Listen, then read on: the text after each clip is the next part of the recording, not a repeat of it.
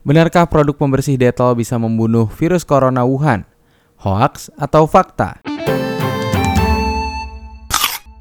Anda sedang mendengarkan Bern Report Hoax atau Fakta bersama saya Bernhard Faras. Produk Dettol Antibacterial Surface Cleanser disebutkan bisa membunuh virus corona. Kabar tersebut beredar di grup-grup percakapan WhatsApp.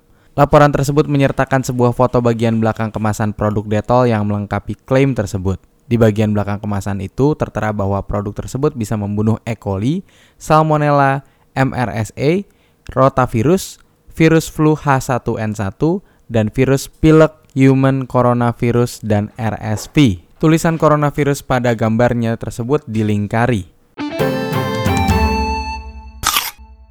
Berita tersebut adalah hoax.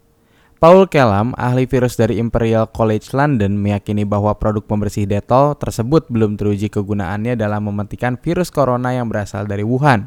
Menurut Kellam, yang diklaim Dettol adalah manfaatnya untuk membunuh berbagai jenis mikroba, tidak secara spesifik menyebut virus corona Wuhan. Dettol sendiri juga membantah klaim tersebut.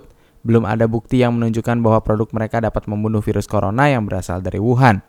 Berita hoaks ini telah diverifikasi oleh Tempo, Suara, dan Detik.